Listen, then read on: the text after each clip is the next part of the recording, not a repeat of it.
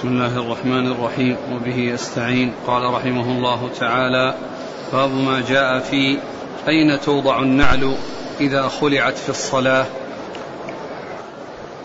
قال حدثنا أبو بكر بن أبي شيبة قال حدثنا يحيى بن سعيد عن ابن جريج عن محمد بن عباد عن عبد الله بن سفيان عن عبد الله بن السائب رضي الله عنهما أنه قال رأيت رسول الله صلى الله عليه وسلم صلى يوم الفتح فجعل نعليه عن يساره. بسم الله الرحمن الرحيم. الحمد لله رب العالمين وصلى الله وسلم وبارك على عبده ورسوله نبينا محمد وعلى آله وأصحابه أجمعين. أما بعد فيقول الامام ماجه رحمه الله باب اذا توضع النعل إذا خلعها في الصلاة. آه النعل جاء ما يدل على أنها تجعل على اليسار. ومن المعلوم أن هذا إذا لم يكن بجواره أحد. أما إذا كان بجواره أحد فإنه لا يضعها لأنه يضعها أمام أو يضعها عند من هو على يساره. لكن إذا صلى وحده فإنه يضعها عن يساره وإذا كان وهذا إذا لم يكن بجواره عن يساره أحد. فهي توضع عن اليسار ولا توضع عن اليمين. والموضع الثاني أنها توضع بين الرجلين. يعني لا تكون على يمينه ولا عن يساره. وهذا يعني يكون فيما إذا كان يعني معه أحد. إذا كان معه أحد فإنه يضع يضعها بين رجليه يعني بين ركبتيه. وقد أورد الإمام ماجه حديث السائب بن عبد الله بن السائب رضي الله عنه أن النبي صل... أنه رأى النبي صلى الله عليه وسلم آه، صلى يعني يوم الفتح فوضع عليه عن يساره. فوضع يديه يعني عليه عن يساره.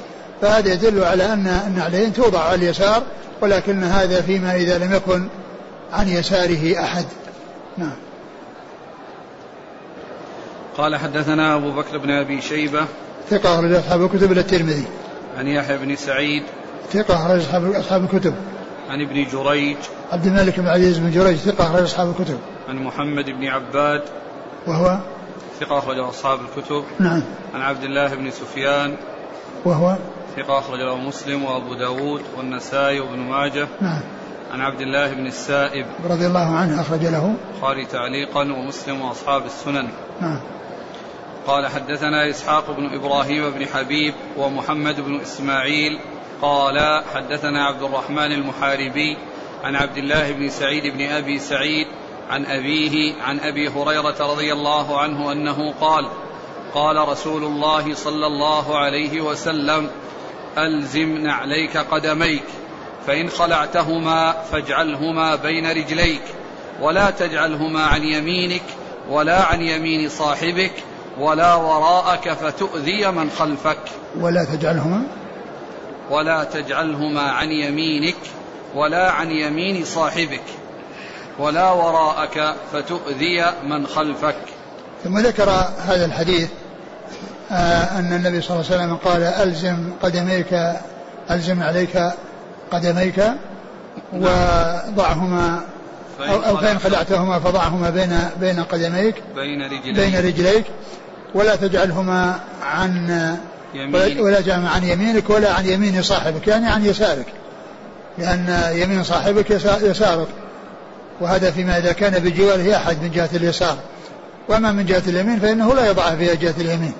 وإذا كان معه أحد من جهة اليسار لا يضعها يعني أمامه ولا يجعلها وراءه أيضا لأنه يؤذي بذلك من كان وراءه.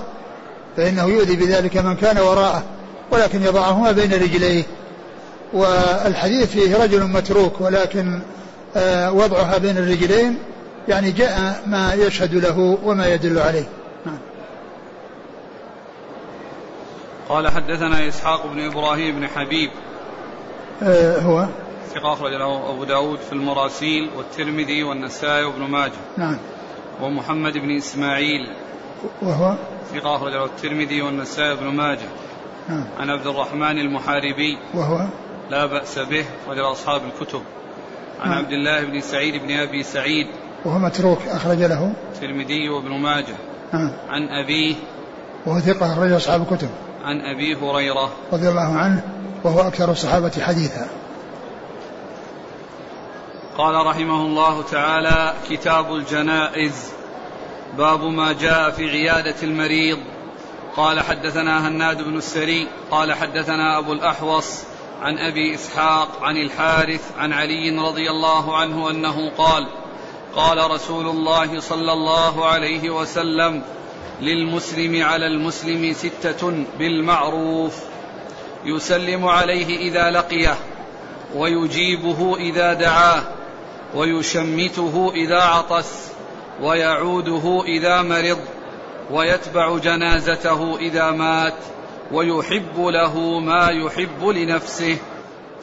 ثم ذكر ثم بدأ الإمام ماجه رحمه الله بكتاب الجنائز وبدأ بعيادة المريض يعني أنه ذكر يعني في كتاب الجنائز ما يكون بين يدي الموت يعني من المرض ويعني وما يحصل فيه وما ينبغي أن يكون من عيادة المريض. ف يعني ما كان جعل ما ما كان بين يدي شيء يعني آه، جعل الحديث آه، فيما يتعلق بعيادة المريض في كتاب الجنائز لأن ذلك من من الأشياء التي هي قريبة من الموت والتي هي بين يدي الموت. فذكرت أو هذا الباب وأمثاله مما يكون قبل الموت في كتاب الجنائز لأنه من مقدماته. وقد ذكر هذا الحديث عن علي رضي الله عنه أن النبي صلى الله عليه وسلم قال للمسلم حق المسلم على المسلم ستة يعني أن ستة أشياء هي من حقوق المسلمين بعضهم آه، لبعض وهي للمسلم على المسلم ستة بالمعروف. نعم. يسلم عليه إذا لقيه. يسلم عليه إذا لقيه يعني أنه يبدأ بالسلام يبدأ هو بالسلام وهذا من حق المسلم على المسلم أنه إذا لقي أخاه يسلم عليه. و يجيبه إذا دعاه. ويجيبه إذا دعاه لوليمة. يعني إذا كان يعني آه تلك الوليمة ليس فيها أمر محذور فإن فإنه ينبغي أن يجيبه فإنه ينبغي أن يجيبه لأن في ذلك تطيب لخاطره ولا شك أن هذا من الأمور المستحبة إلا دعوة دعوة وليمة العرس ففيها خلاف في وجوبها واستحبابها. نعم. ويشمته إذا عطس. ويشمته إذا عطس وحمد الله. إذا عطس وحمد الله فإنه يشمته فيقول يرحمك الله إذا قال الحمد لله. وأما إذا لم يقل الحمد لله فإنه لا يشمت لأنه ورد ما يدل على ذلك وأن التشميت إنما يكون عند الحمد. وأما بدون الحمد فإنه لا تشميت. فقوله أنه يشمته إذا عطس يعني وحمد الله لأن هذا التقييد جاء في بعض الأحاديث الصحيحة هذا التقييد الذي هو كون التشميت مقيد بكون العاطس يحمد الله جاء في بعض الأحاديث الصحيحة. نعم. ويعوده إذا مرض. ويعوده إذا مرض. يعني يزوره ويدعو له ويؤنسه لأنه في في في ضيق وفي شدة وفي ألم. فإذا جاء إليه أخوه وزاره وآنسه ودعا له فإن ذلك يسره ويفرحه. نعم. ويتبع جنازته إذا مات. وكذلك يتبع جنازته إذا مات. يعني يتبع جنازته للصلاة ويتبعها للدفن. نعم. ويحب له ما يحب لنفسه. ويحب له ما يحب لنفسه. يعني لا يكون آآ آه، آآ آه، آه، حبه الخير لنفسه فقط بل يحبه لنفسه ولغيره. والحديث في إسناده الحارث الأعور وهو ضعيف ولكن له شواهد. يعني ما جاء فيه له شواهد تدل على ثبوته. إذا الإسناد ضعيف والمتن صحيح. قال حدثنا هناد بن السري آه ثقة رجل البخاري في خلق أفعال العباد ومسلم وأصحاب السنة. عن أبي الأحوص. سلام بن سليم الحنفي ثقة رجل أصحاب الكتب. عن أبي إسحاق. وعمرو بن عبد الله الهمداني السبيعي ثقة رجل أصحاب الكتب. عن الحارث. وهو؟ في حديثه ضعف. نعم. رجل أصحاب السنن. نعم. عن علي. رضي الله تعالى عنه أمير المؤمنين ورابع الخلفاء الراشدين الهادين المهديين صاحب المناقب الجمة والفضائل الكثيرة وحديثه عند أصحاب الكتب الستة. قال حدثنا أبو بشر بكر بن خلف ومحمد بن بشار. قال حدثنا يحيى بن سعيد. قال حدثنا عبد الحميد بن جعفر عن أبيه عن حكيم بن أفلح عن أبي, أبي مسعود رضي الله عنه عن النبي صلى الله عليه وسلم أنه قال للمسلم على المسلم أربع خلال يشمته إذا عطس ويجيبه إذا دعاه. ويشهده إذا مات ويعوده إذا مرض. ثم ذكر هذا الحديث وهو يشتمل على أربع وهي من جملة الستة التي تقدمت في الحديث السابق. هذه الأربعة التي جاءت في هذا الحديث وهي من حق المسلم على المسلم آه، هي آه، من ضمن الست الخصال التي وردت في الحديث السابق. نعم. قال حدثنا أبو بشر بكر بن خلف. وهو صدوق خرج البخاري تعليقا وأبو داود بن ماجه. نعم. ومحمد بن بشار. هو ثقة أخرج أصحاب الكتب. عن يحيى بن سعيد. القطان ثقة أخرج أصحاب الكتب. عن عبد الحميد بن جعفر. وهو صدوق, صدوق ربما وهم. نعم. أخرج البخاري تعليقا ومسلم وأصحاب السنن. نعم. عن أبيه. وهو ثقة أخرج البخاري في المفرد ومسلم وأصحاب السنن. نعم. عن حكيم بن أفلح. وهو مقبول. أخرج البخاري في المفرد وابن ماجه. نعم. عن أبي مسعود. أبو مسعود عقبة بن عمرو الأنصاري البدري رضي الله عنه أخرج له أصحاب الكتب.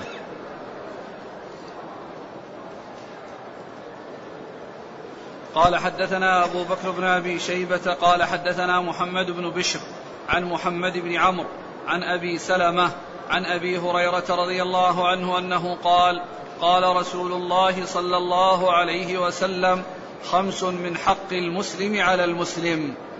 رد التحية وإجابة الدعوة وشهود الجنازة وعيادة المريض وتشميت العاطس إذا حمد الله. ثم ذكر هذا الحديث عن أبي هريرة وهو مشتمل على خمس وأربع منها تقدمت في الأحاديث السابقة وفيه تقييد تشميت العاطس بكونه يحمد الله. وقد جاء مطلقا في آه، في الأحاديث السابقة. فكما قلت يعني يكون التشميت مقيدا بكونه يحمد الله فإن حمد شمت وإلا فإنه لا يشمت. و والباقي هو وهو مثل ما تقدم إلا أن في رد التحية. رد التحية هي رد السلام لأن هنا هناك يعني كونه يسلم عليه وهنا كونه يرد السلام عليه. كونه يرد السلام عليه. فالمطلوب من المسلمين أن يسلم بعضهم على بعض وأن يرد من سلم عليه على من سلم. وخيرهما الذي يبدأ بالسلام. المتلاقيان خيرهما الذي يبدأ بالسلام. فالمطلوب من السلام ومطلوب الرد السلام. نعم. قال حدثنا أبو بكر بن أبي شيبة عن محمد بن بشر. هو ثقة أخرج أصحاب الكتب. عن محمد بن عمرو. وهو صدوق أخرج أصحاب الكتب. عن أبي سلمة ابن عبد الرحمن بن عوف ثقة أخرج أصحاب الكتب. عن أبي هريرة. نعم. قال حدثنا محمد بن عبد الأعلى الصنعاني. قال حدثنا سفيان.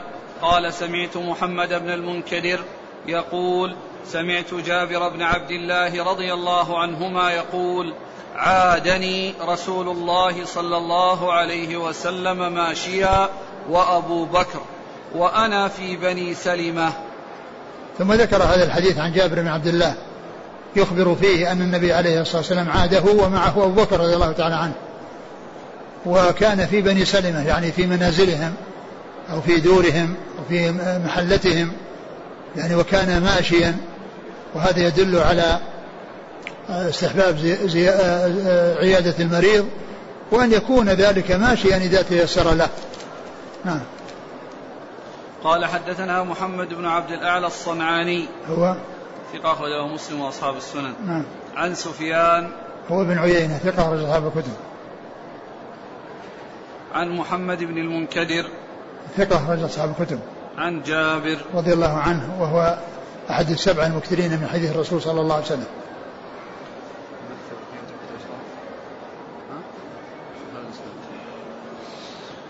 قال حدثنا هشام بن عمار قال حدثنا مسلمة بن علي.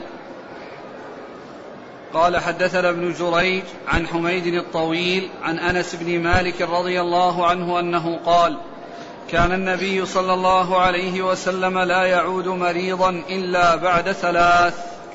ثم ذكر هذا الحديث أن النبي صلى الله عليه وسلم كان لا يعود مريضا إلا بعد ثلاث. وعيادة المريض ليس فيها توقيت. والحديث الذي ورد هنا هو ضعيف يعني ضعيف غير صحيح.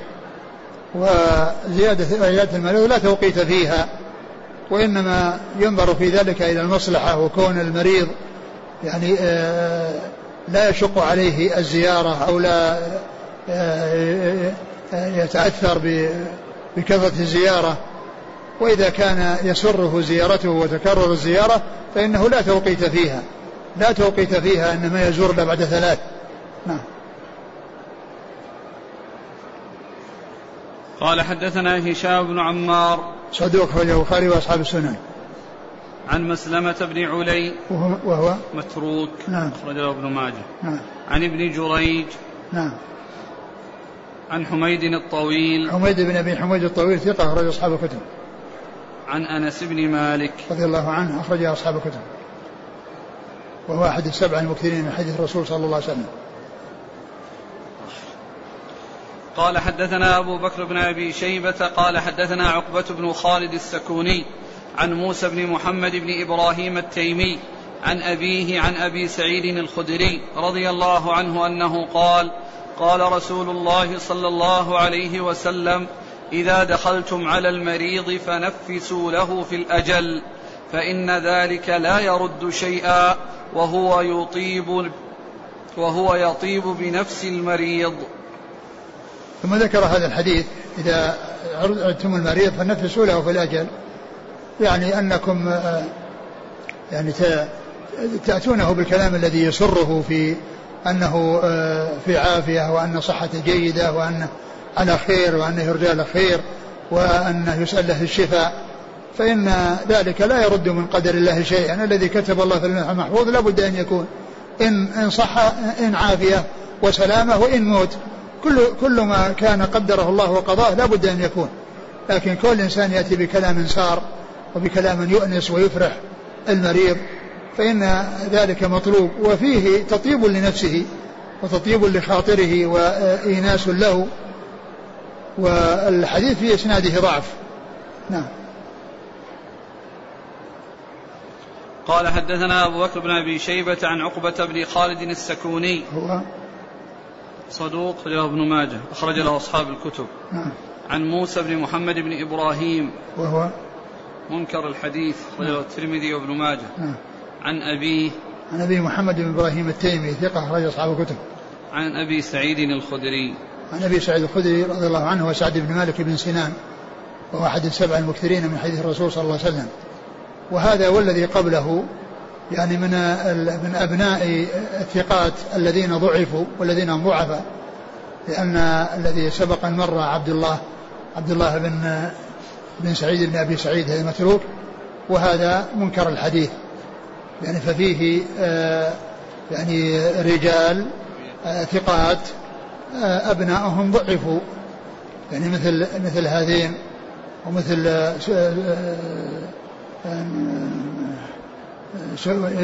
إبن سفيان الثوري سيأتي وقد مر مر كثيرا ابن ابن سفيان أدري اسمه إيش؟ سعيد سعيد بن مسروق أو سفيان على كل يعني يتكرر اسمه وهو ابتلي بوراقه و ترك. نصح فلم تصح فترك نعم. سفيان نعم سفيان بن وكيع. سفيان بن وكيع نعم. يعني ففي عدد من الرواة الثقات أبنائهم ضعفاء. نعم. أنت اليوم مر معنا من؟ عبد الله بن بن سعيد بن أبي سعيد. أي. المقبري اللي متروك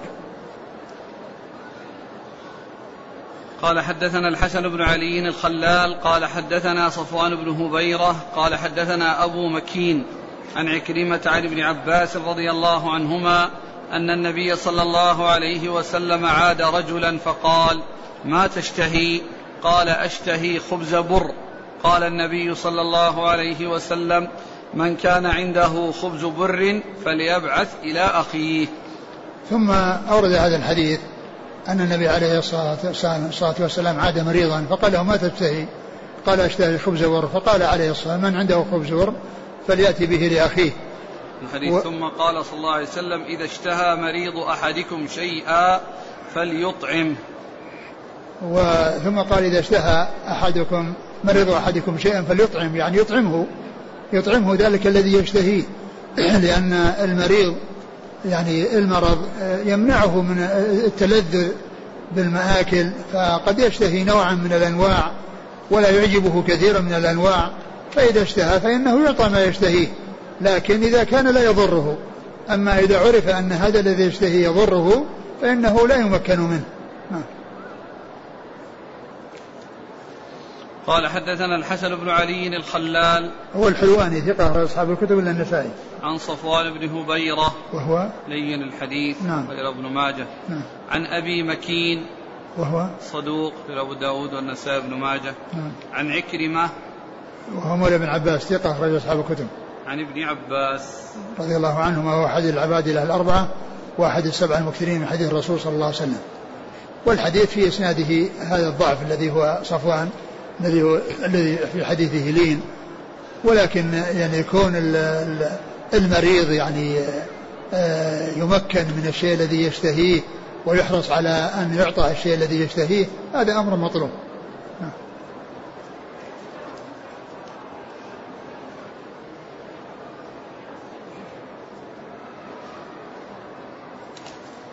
قال حدثنا سفيان بن وكيع قال حدثنا أبو يحيى الحماني عن الأعمش عن يزيد الرقاشي عن أنس بن مالك رضي الله عنه أنه قال دخل النبي صلى الله عليه وسلم على مريض يعوده فقال أتشتهي شيئا؟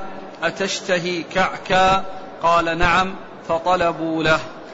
ثم ذكر هذا الحديث أن النبي عليه الصلاة والسلام عاد مريضا وقال أتشتهي شيئا؟ أتشتهي كعكا؟ قال نعم فطلبوا فطلبوه له. و ولعله والكعك هو نوع من الخبز. ولعله كان يعرف أنه يحب هذا النوع ولهذا نص عليه ولهذا نص عليه. والحديث ضعيف أيضا في إسناده سفيان بن وكيع وفيه أيضا يعني من هو أشد منه ضعفا. نعم. قال حدثنا سفيان بن وكيع. نعم هو كان صدوق فابتلي بوراقه فنصح فلم تصح فسقط حديثه. أخرج له. الترمذي وابن ماجه. نعم. عن أبي يحيى الحماني. وهو صدوق يخطئ له البخاري ومسلم في المقدمة وأبو داود والترمذي وابن ماجه. نعم. عن الأعمش. سليمان بن مهران ثقة أخرج أصحاب الكتب. عن يزيد الرقاشي. وهو ضعيف أخرج له. خالف المفرد والترمذي وابن ماجه. نعم. عن أنس بن مالك. نعم. قال حدثنا جعفر بن مسافر.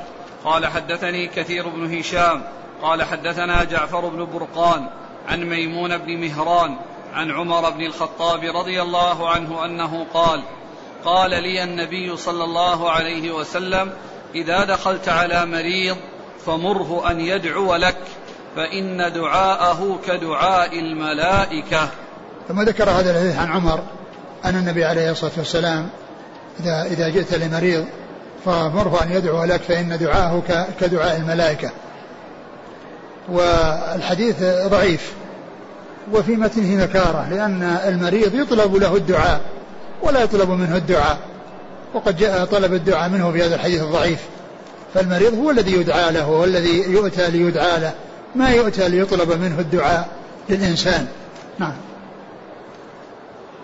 قال حدثنا جعفر بن مسافر هو صدوق ربما أخطأ أخرج أبو داود النسائي بن ماجه. نعم. عن كثير بن هشام وهو ثقة أخرج البخاري المفرد ومسلم وأصحاب السنن. نعم. عن جعفر بن برقان وهو صدوق أخرج البخاري المفرد ومسلم وأصحاب السنن. نعم. عن ميمون بن مهران وهو ثقة أخرج البخاري المفرد ومسلم وأصحاب السنن. نعم. عن عمر بن عن عمر بن الخطاب رضي الله عنه أمير المؤمنين وثاني الخلفاء الراشدين الهاديين المهديين آه، صاحب المناقب الجمة والفضائل الكثيرة. وحديثه عند أصحاب الكتب الستة والضعف الذي فيه الانقطاع بين ميمون بن مهران وعمر رضي الله عنه. نعم. ما حكم عيادة المريض؟ مستحبة.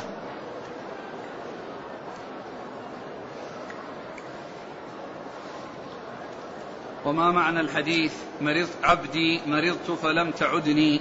ألا يدل على الوجوب؟ لا ما يدل على الوجوب. ما يدل على الوجوب ولكن يدل على تأكده وعلى أهميته. عاد رسول الله صلى الله عليه وسلم جابر ماشيا. ألا يعد ذلك اتفاقا؟ فلا يؤخذ منه استحباب المشي. لا شك أن المشي إذا كان إذا كان ماشيا يعني يكون آه، أعظم في الدرجات في كونه يمشي. وأيضا يعني إذا علم المريض بهذا ال- ال- العمل الذي عمله فإن ذلك يزيد في سروره. ما هو ضابط المرض الذي يعاد فيه المرء؟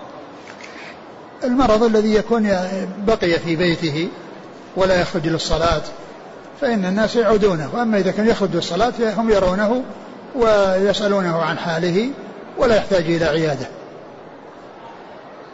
يقول شخص أسلم عليه مرارا ولا يرد علي السلام وربما لا يبتسم بوجهي. لا لا تترك السلام أنت على خير وهو على شر. قال رحمه الله تعالى باب ما جاء في ثواب من عاد مريضا. قال حدثنا عثمان بن أبي شيبة قال حدثنا أبو معاوية قال حدثنا الأعمش عن الحكم عن عبد الرحمن بن أبي ليلى عن علي رضي الله عنه أنه قال سمعت رسول الله صلى الله عليه وسلم يقول من أتى أخاه المسلم عائدا مشى في خرافة الجنة حتى يجلس فإذا جلس غمرته الرحمة.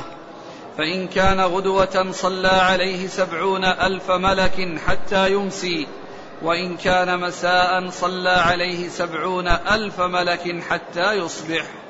ثم ذكر هذا الحديث ثم ذكر فضل عيادة المريض. يعني ما ورد فيها من الفضل وما ورد فيها من الثواب وأن الثواب فيها عظيم وجزيل من الله سبحانه وتعالى.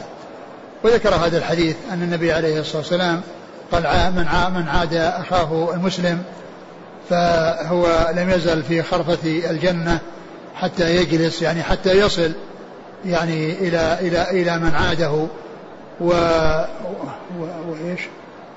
فإذا جلس غمرته الرحمة فإذا جلس غمرته الرحمة يعني غشيته غشيته الرحمة يعني جلوسه عند المريض لعيادته وكذلك إذا كان آه، زاره صباحا صلى عليه سبعون ألف ملك حتى يمسي وإذا زاره مس- مساء سا- صلى عليه سبعون ملكا ملكا حتى يصبح. وكل هذا يعني واضح الدلالة على فضل زيارة المريض.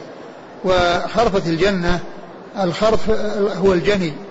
يعني خرفة الجنة يعني كأنه أنه بمثابة يعني يحصل ال- ال- ال- الخرف الذي هو ال- الجني الذي يجتنى من ثمار الجنة. وهذا إشارة إلى حصول الثواب. وأنه لا يزال في ثواب.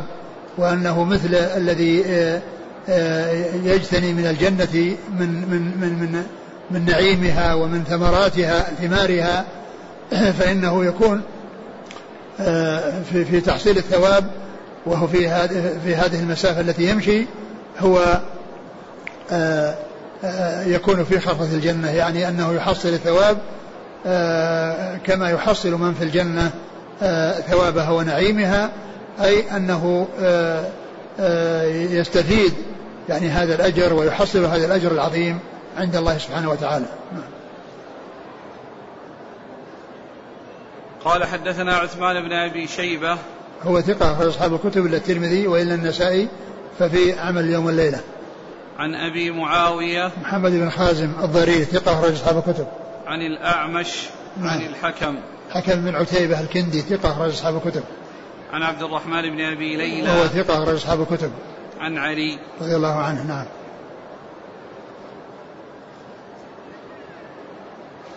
قال حدثنا محمد بن بشار قال حدثنا يوسف بن يعقوب قال حدثنا أبو سنان القسملي عن عثمان بن أبي سودة عن أبي هريرة رضي الله عنه أنه قال قال رسول الله صلى الله عليه وسلم من عاد مريضا نادى مناد من السماء طبت وطاب ممشاك وتبوأت من الجنة منزلا. ثم ذكر هذا الحديث من عاد مريضا نادى منادي من السماء وقال طبت وطاب ممشاك.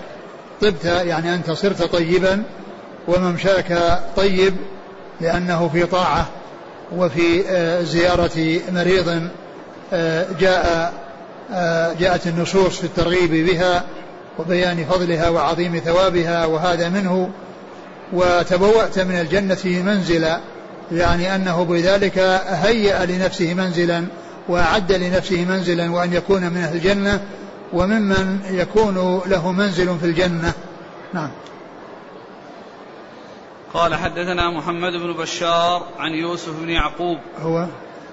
صدوق للبخاري والترمذي والنسائي بن ماجه. نعم.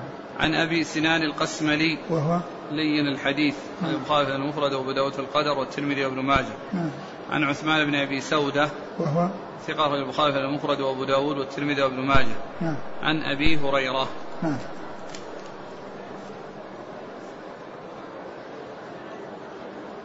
هل الأجر يثبت؟ وإن كان. المزور مريض كافر وإن كان المريض كافرا؟ الكافر زيارته يعني إذا كان فيها مصلحة بأن يدعى إلى الإسلام لا شك أن فيها أجر. لكن الحديث وردت الحديث التي وردت في زيارة المسلمين. لكن بالنسبة للكافر إذا كان في زيارة مصلحة فلا شك أن في ذلك أجر لا سيما إذا ترت حصلت المصلحة التي آه، زار من أجلها.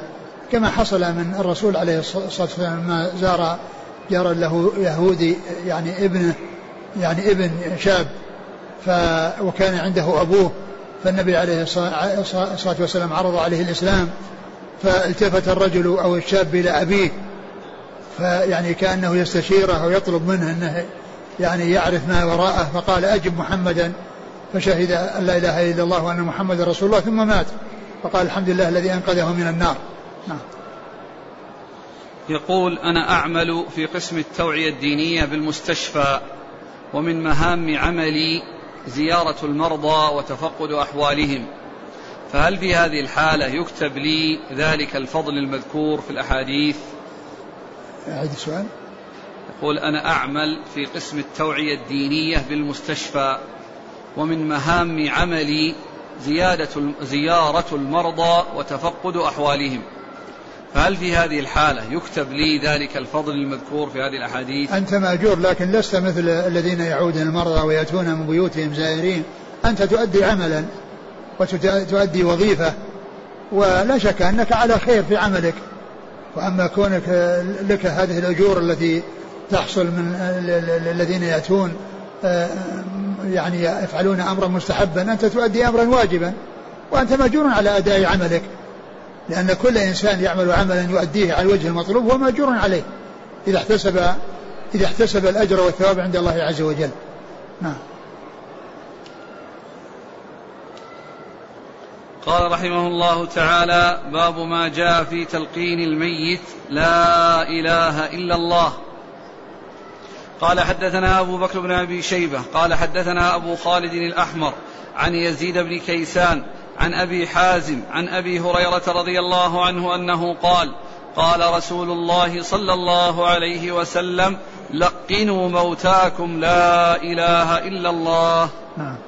قال حدثنا محمد بن يحيى قال حدثنا عبد الرحمن بن مهدي عن سليمان بن بلال عن عمارة بن غزية عن يحيى بن عمارة عن أبي سعيد الخدري رضي الله عنه أنه قال قال رسول الله صلى الله عليه وسلم لقنوا موتاكم لا إله إلا الله نعم. قال حدثنا محمد بن بشار قال حدثنا أبو عامر قال حدثنا كثير بن زيد عن إسحاق بن عبد الله بن جعفر عن أبيه رضي الله عنه أنه قال قال رسول الله صلى الله عليه وسلم لقنوا موتاكم لا إله إلا الله الحليم الكريم سبحان الله رب العرش العظيم الحمد لله رب العالمين. قالوا يا رسول الله كيف للأحياء؟ قال أجود وأجود. ثم الترجمه شيء بابه تلقين الميت لا إله إلا الله. تلقين الميت لا إله إلا الله. يعني أتى بالترجمه طبقا للحديث. وما قال آه، تلقين المريض. وإنما أتى به على لفظ الحديث. وأورد هذه الأحاديث التي فيها لقنوا موتاكم لا إله إلا الله.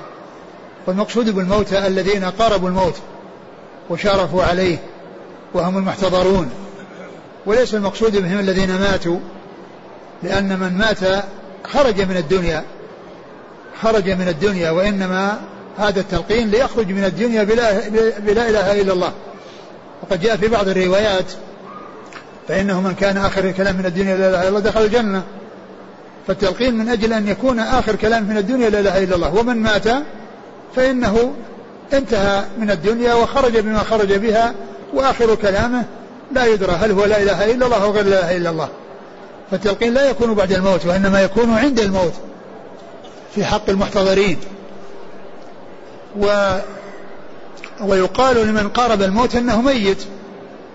يعني يطلق عليه اسم ما يقاربه.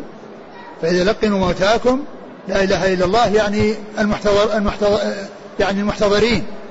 هؤلاء هم الذين يلقنوا الله حتى يموتوا وهي آخر كلامهم. حتى يموتوا وهي آخر كلامهم. فأطلق على من قارب الموت أنه ميت.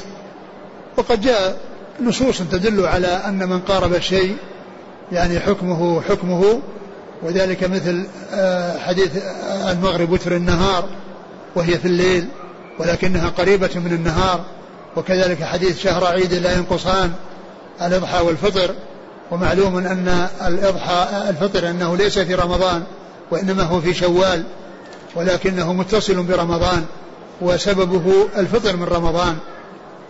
وكذلك يا أيها النبي إذا طلقتم النساء فبلغن أجلهن فأمسكوهن بمعروف أو فارقوهن بمعروف فإن المقصود بلغن أي قاربنا البلوغ لأنها لأنه إذا حصل خروج من العدة فإنها تكون أجنبية ليس بإمكانه أن يمسكها بل يخطبها ويتزوجها. فتأتي بعض النصوص فيها إطلاق الشيء على اسم على ما يقاربه.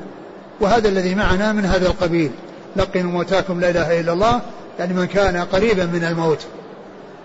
ثم الحديث الأخير يعني في إسناده ضعف وفيه تلك الزيادات التي هي زائدة على لقنوا موتاكم لا إله إلا الله فهي فيها ضعف. وأما جملة لقنوا موتاكم فيه فإنها مطابقة للحديثين السابقين فهما شاهدان لها. نعم. قال حدثنا أبو بكر بن أبي شيبة عن أبي خالد الأحمر. هو؟ سليمان بن حيان صدوق يخطئ خرج نعم. أصحاب الكتب. نعم. عن يزيد بن كيسان. وهو؟ صدوق يخطئ خرج نعم. البخاري في المفرد ومسلم وأصحاب السنن. نعم. عن أبي حازم. وهو؟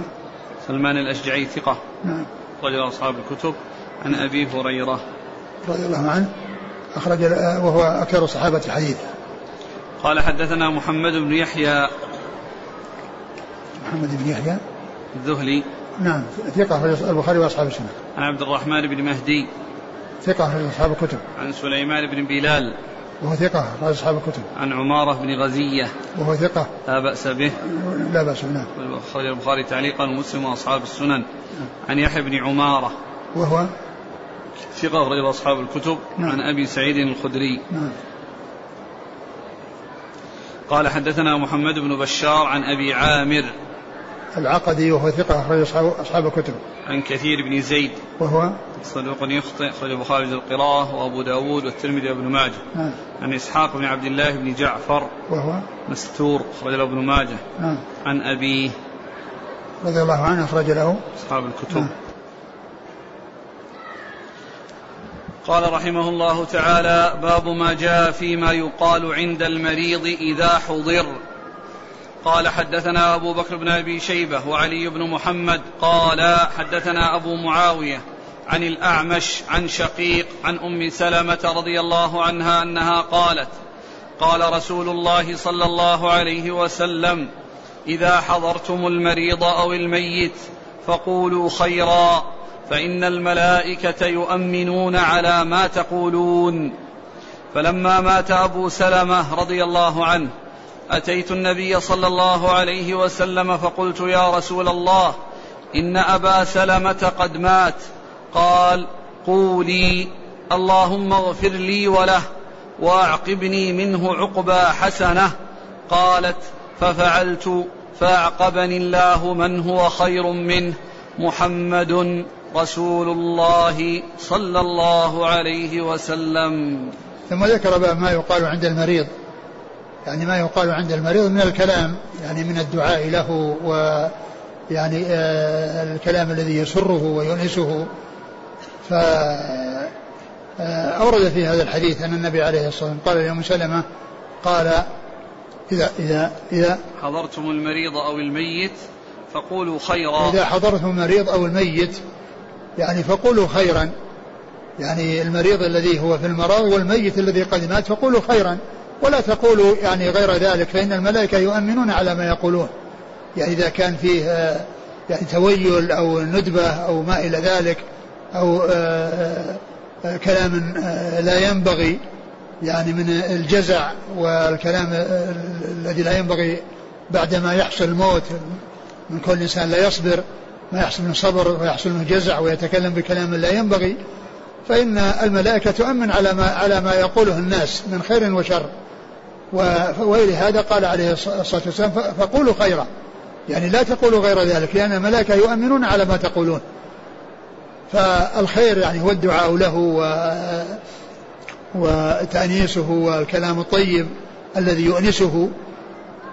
ثم إن أنه لم لما مات أبو سلمة قالت آه، قال قال ذكرت ذلك أم سلمة للرسول صلى الله عليه وسلم فقال قولي اللهم اغفر لي وله واعقبني منه عقبى حسنة. فأعقب أن ف يعني آه، أجاب الله دعاءها وأعقبها رسول الله عليه الصلاة والسلام بأن تزوجها. وهو خير من أبي سلمة وخير من وخير الخلق عليه الصلاة والسلام. هذا الحديث.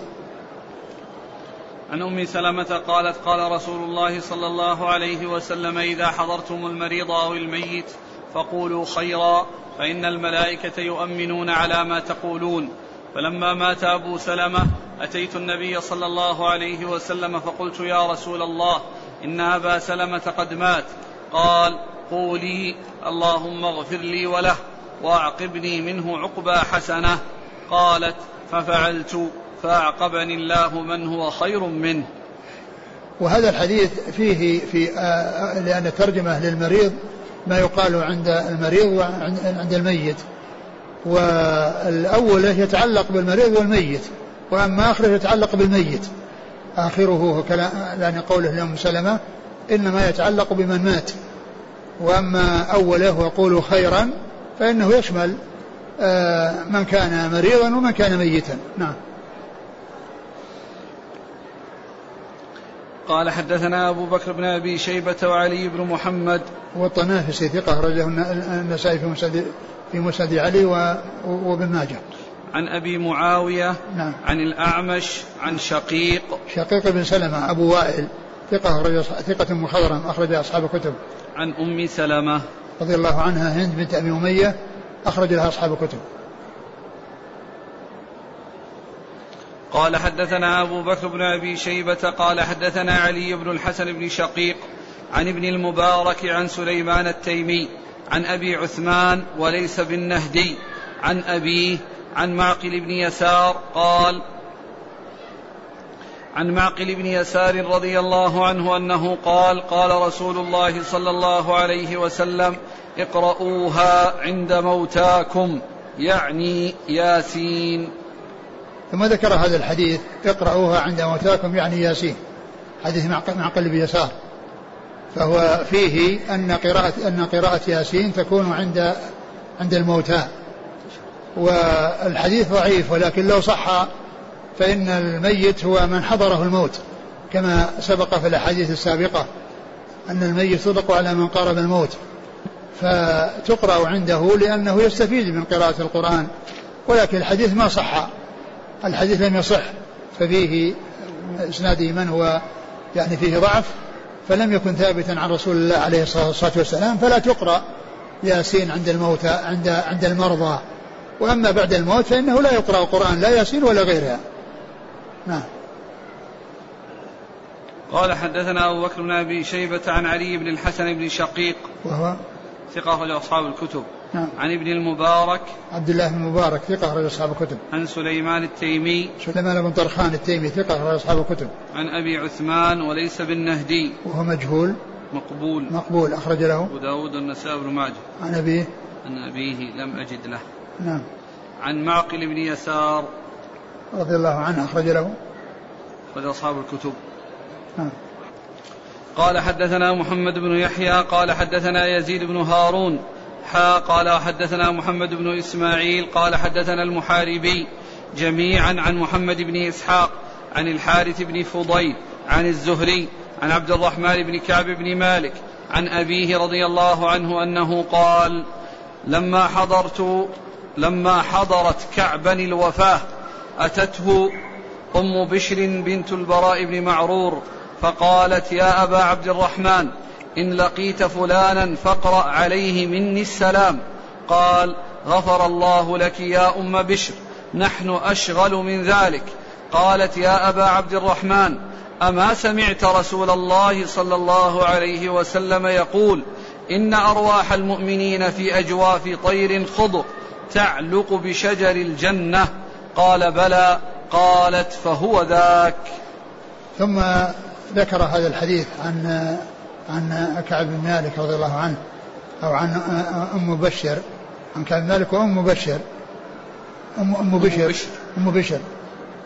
أنها جاءت إلى كعب بن مالك و أول حديث قال لما حضرت كعبا الوفاة أتته أم بشر بنت البراء بن معرور فقالت يا أبا عبد الرحمن إن لقيت فلانا فاقرأ عليه مني السلام. يعني ابنها ابنها الذي مات واستشهد قال إن لقيت فلانا يعني ابنها فأقرئه مني السلام فقال يا أم بشر غفر الله لك نعم آه نحن, نحن أشغل من ذلك نحن أشغل من ذلك يعني أن هذا الذي تطلبه هم مشتغلون يعني آه بغيره ف فقالت آه أما سمعت قالت يا أبا عبد الرحمن ما سمعت الرسول صلى الله عليه وسلم يقول إن أرواح المؤمنين في أجواف طير خضر نعم إن أرواح المؤمنين في أجواف يعني الموصول به الشهداء في أجواف طير خضر آه انتهى؟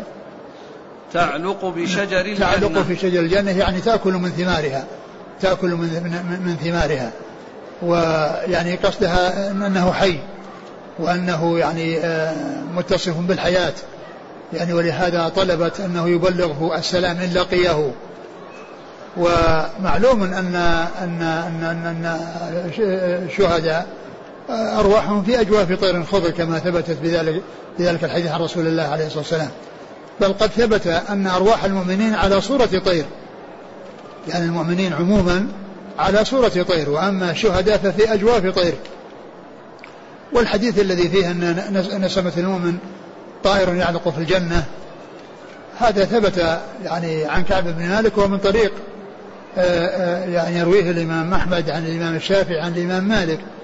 يعني يرويه ثلاثة من أصحاب المذاهب الأربعة المشهورة يروي بعضهم عن بعض. جاءوا في إسناد في إسناد هذا الحديث الذي فيه نسمة المؤمن طائر يعلق في الجنة. وقد ذكره ابن كثير عند تفسير ولا يحسب الذين قتلوا في سبيل الله وأتم الأحياء عند ربهم يرزقون. وقال إن هذا إسناد عزيز اجتمع فيه ثلاثة من أصحاب المذاهب الأربعة المشهورة مذاهب أهل السنة. فيعني فهي استدلت على إبلاغه أو كونها تطلب منه إبلاغ السلام بكونه حي وأنهم في والله أخبر بأنهم أحياء وأنهم يرزقون وأنها وجاءت السنة في بأنها في أجواف طير خضر. لكن هذا لا يدل يعني كونهم أحياء أنه أنهم يبلغون السلام وإنما يدعى لهم. وإنما يدعى لهم بالسلامة ويدعى لهم بالرحمة والمغفرة.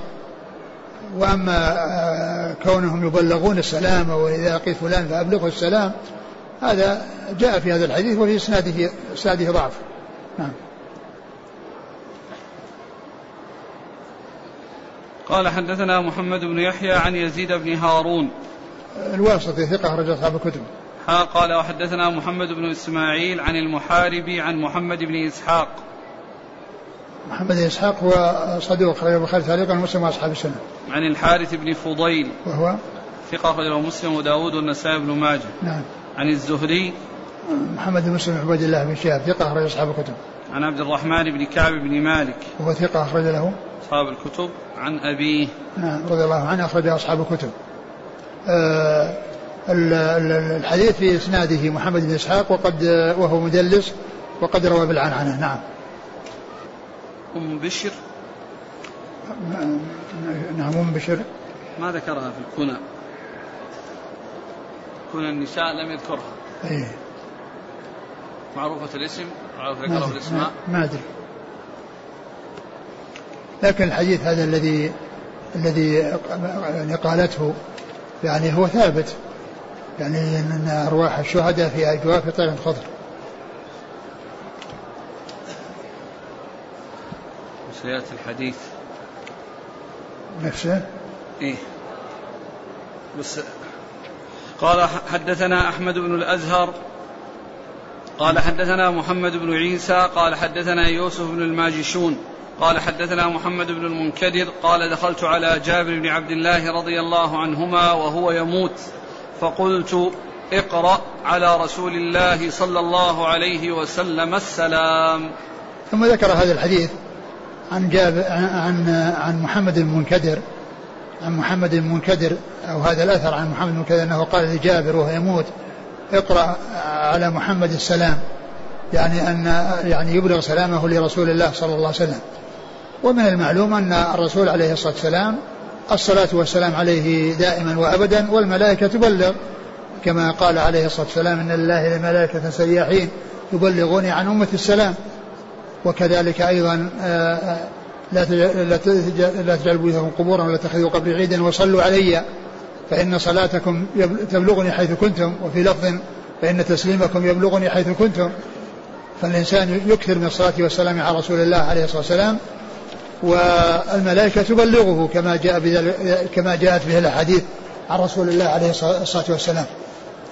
وهذا الحديث في هذا الإسناد يعني آه، آه، فيه كلام هذا التابعي لهذا الصحابي. والصحابي ما ذكر شيئا. والإسناد آه، رجاله ثقات إلا أن فيه شخصا متكلم فيه. ويأتي ذكره كثيرا في الأسانيد. وكونه ما جاء إلا من طريقه يعني يكون في هذا الحديث نظر من جهة أن أن فيه إثبات شيء ما جاء ثابتا في السنة عن رسول الله عليه الصلاة والسلام. وأيضا في شيء يغني عنه وهو أن الملائكة تبلغ السلام إلى رسول الله عليه الصلاة والسلام دون أن يقول آه، آه، من حضر الميت يقول أبلغ الرسول مني السلام. نعم. قال حدثنا أحمد بن الأزهر. هو؟ صدوق فيا النساء بن ماجه. نعم. محمد بن عيسى. صدوق يعني قال فيه فيه إنه في في كلام يعني في وراء كونه صدوق. يعني من حيث ال ال أظنه كان يحفظ. اختلط نعم. صار كتابه. نعم.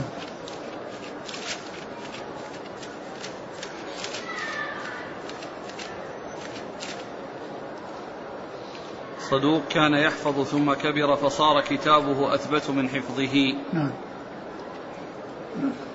بعده له النسائي بن ماجه عن محمد بن عيسى. وهو الطباع وهو؟ صدوق يخطئ أخرج أبو داود النسائي بن ماجه. نعم. عن يوسف بن الماجشون. وهو؟ ثقة أخرج أصحاب الكتب إلا أبا داود. نعم. عن محمد بن المنكدر عن جابر. نعم.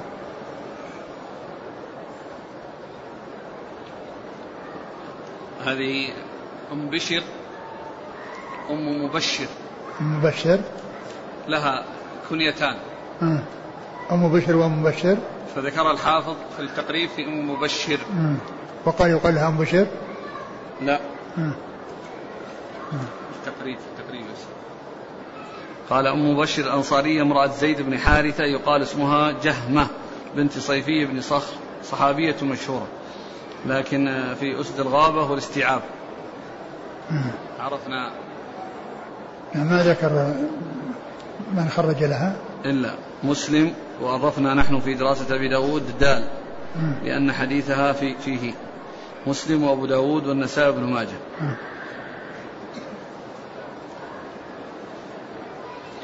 قال رحمه الله تعالى باب ما جاء في المؤمن يؤجر في النزع. قال حدثنا هشام بن عمار قال حدثنا الوليد بن مسلم قال حدثنا الأوزاعي عن عطاء عن عائشة رضي الله عنها أن رسول الله صلى الله عليه وسلم دخل عليها وعندها حميم لها يخنقه الموت. فلما رأى رأى النبي صلى الله عليه وسلم ما بها قال لها لا تبتئسي على حميمك فإن ذلك من حسناته. ثم ذكر باب ما جاء في المؤمن يؤجر في النزع. باب ما جاء في المؤمن يؤجر في النزع. لأن الإنسان عندما يصيبه مصيبة ويصيبه أمراض ويصيبه أي شيء فإنه يؤجر عليه. إلى إلى إلى أن يموت في حياته يؤجر عليه. يعني ما يصيب الإنسان من شيء حتى الشوكة يشاكها إلا ويؤجر عليها. عجبا لأمر المؤمن إن أمره كله خير إن أصابته ضراء صبر فكان خيرا له وإن أصابته سراء شكر فكان خيرا له. وليس ذلك لأحد إلا للمؤمن. فالإنسان يؤجر على ما يحصل له من من المصائب إذا صبر واحتسب. ثم ذكر هذا الحديث عن عائشة أن أن النبي عليه الصلاة والسلام دخل عليها وعندها حميم يقنق يعني أنه في النزع وأنه في ضيق وفي شدة.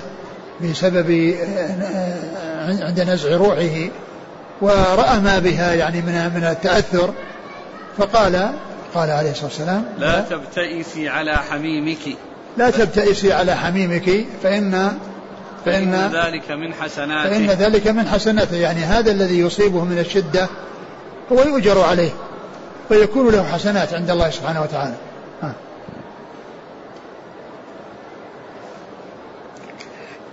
لا تبتئسي يعني لا تحزني. نعم. قال حدثنا هشام بن عمار نعم. عن الوليد بن مسلم وهو آه، ثقة أخرج أصحاب الكتب. عن الأوزاعي وعبد الرحمن بن عمرو ثقة أخرج أصحاب الكتب. عن عطاء ابن أبي رباح ثقة أخرج أصحاب الكتب. عن عائشة نعم.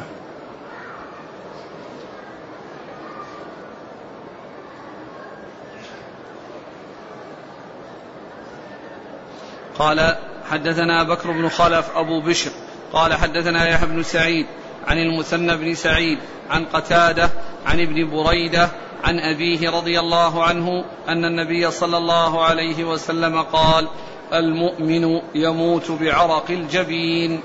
ثم ذكر هذا الحديث عن بريدة بن حصيب رضي الله عنه قال المؤمن يموت بعرق بعرق الجبين. يعني يعني ما يلاقيه من الشدة. يعني يحصل له شدة. فيعني يعني يصيبه أو يعني يعني ذلك على العرق في جبينه يعني نتيجة للشدة التي تحصل له. و وهذا كما هو معلوم يعني من يحصل لا يحصل لكل أحد. قد يموت الإنسان فجأة فلا يحصل له يعني هذا هذه الشدة. ولكن المؤمن يبتلى ويصاب في هذه الحياة الدنيا وكذلك عند النزع ويكون ذلك خيرا له. لأن كما جاء في الحديث الدنيا سجن المؤمن وجنة الكافر. الدنيا سجن المؤمن وجنة الكافر. فإنه في في في دنياه يعني في تعب وفي نصب وفي شدة سواء عند موته أو قبل موته. ولكن آه، نهايته طيبة لأنه سينتقل من من الشدة إلى إلى إلى النعيم وإلى الثواب عند الله عز وجل. الدنيا سجن المؤمن وجنة الكافر. الكافر آخر عهده باللذة إذا مات. والمسلم في هذه الحياة الدنيا في في المصائب والمناقصات. وإذا مات فإنه ينتقل إلى نعيم وإلى ثواب. وقد يكون ذلك يعني عاجلا وقد يكون آجلا. قال حدثنا بكر بن خلف أبو بشر نعم. عن يحيى بن سعيد عن المثنى بن سعيد. وهو؟ ثقة أخرج أصحاب الكتب. نعم. عن قتادة. بن دعامة سدوسي البصري ثقة أخرج أصحاب الكتب. عن ابن بريدة. هو؟ عبد الله ثقة أخرج أصحاب الكتب. نعم. عن أبيه بريدة بن الحصيب الأسلمي رضي الله عنه أخرجه أصحاب الكتب. قال حدثنا روح بن الفرج قال حدثنا نصر بن حماد قال حدثنا موسى بن كردم عن محمد بن قيس عن أبي بردة عن أبي موسى رضي الله عنه أنه قال سألت رسول الله صلى الله عليه وسلم متى تنقطع معرفة العبد من الناس؟ قال إذا عاين. ثم ذكر هذا الحديث متى عن أبي موسى قال إنه سأل النبي صلى الله عليه وسلم متى تنقطع معرفة العبد معرفة معرفة العبد من الناس؟ من الناس؟ قال إذا عاين. يعني كونه ينتهي معرفته بالناس إذا عاين الملائكة الذين هم يعني يقبضون الروح ملائكة الرحمة وملائكة العذاب يعني ال يعني المسلم يعاين ملائكة الرحمة والكافر يعاين ملائكة العذاب فعند ذلك تنقطع معرفته من الناس لأنه انتهى من الدنيا. وهذا في آه، خروج روحه. وإلا فإن فإن الإنسان قد يحصل له يعني آه، شيء من عدم معرفته الناس ثم تعود عليه صحته فيعرف الناس. لكنه إذا عاين الملائكة الذين يقبضون الروح وتخرج روحه في ذلك الوقت فإنه ينتهي معرفته بالناس ويبدأ بمعرفة آه، يعني آه، آه، الملائكة الذين الذين ينتقل برؤيتهم وبقبضهم روحه إلى الدار الآخرة فيكون إما في نعيم وإما في عذاب. قال حدثنا روح بن الفرج. هو؟ صدوق إلى ابن ماجه. عن نصر بن حماد. وهو ضعيف. أخرج ابن ماجه. نعم. عن موسى بن كردم. وهو؟ مجهول أخرج ابن ماجه. نعم. عن محمد بن قيس. وهو؟ ثقة أخرجه مسلم والترمذي والنسائي بن ماجه. نعم. عن أبي بردة. بن أبي موسى ثقة أخرج أصحاب الكتب. عن أبي موسى. عبد الله بن قيس الأشعري رضي الله عنه أخرج له أصحاب الكتب. قال رحمه الله تعالى باب ما جاء في تغميض الميت. والله تعالى أعلم وصلى الله وسلم وبارك على عبده ورسوله نبينا محمد وعلى آله وأصحابه أجمعين.